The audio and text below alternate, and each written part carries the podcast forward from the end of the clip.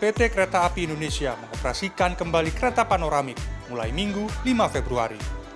Inilah pengoperasian pertama pasca evaluasi libur Natal dan Tahun Baru 2023 dengan rute terbaru Surabaya-Bandung. Rute ini dipilih melihat antusiasme warga terhadap kereta api unik ini. Diberangkatkan dari stasiun Gubeng, Surabaya, kereta tersebut membawa 16 penumpang. Jumlahnya akan bertambah di beberapa stasiun pemberhentian.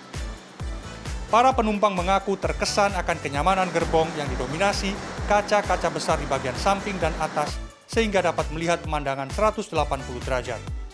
Penumpang pun menyebut tarif yang mencapai Rp1.120.000 tak menjadi masalah karena sebanding dengan apa yang mereka dapatkan.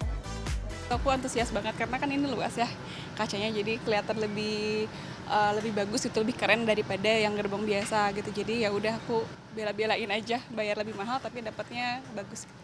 Ya betul sih nggak murah. Pertimbangan saya karena saya kepingin tahu ya segala sesuatu kalau ada yang baru pastinya kan kita curious ya kepingin tahu seperti apa gitu.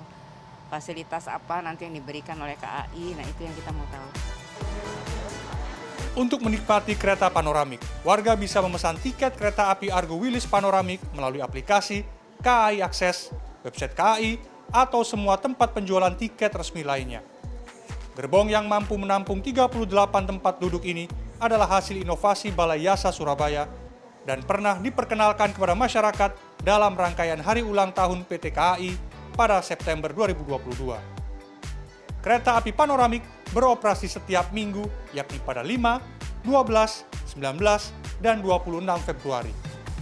Kereta diberangkatkan dari stasiun Gubeng pada pukul 7.30 waktu Indonesia Barat dan sampai di stasiun Bandung pada pukul 17.25 atau menempuh perjalanan lebih dari 9 jam.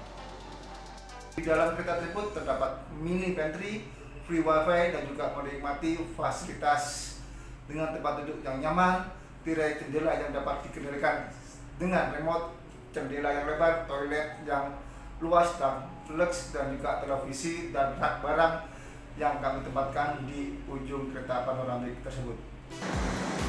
Dengan berbagai fasilitas yang ditawarkan tersebut, PT KAI berharap kereta api panoramik rute Surabaya-Bandung dapat menarik minat warga dan pencinta transportasi kereta api.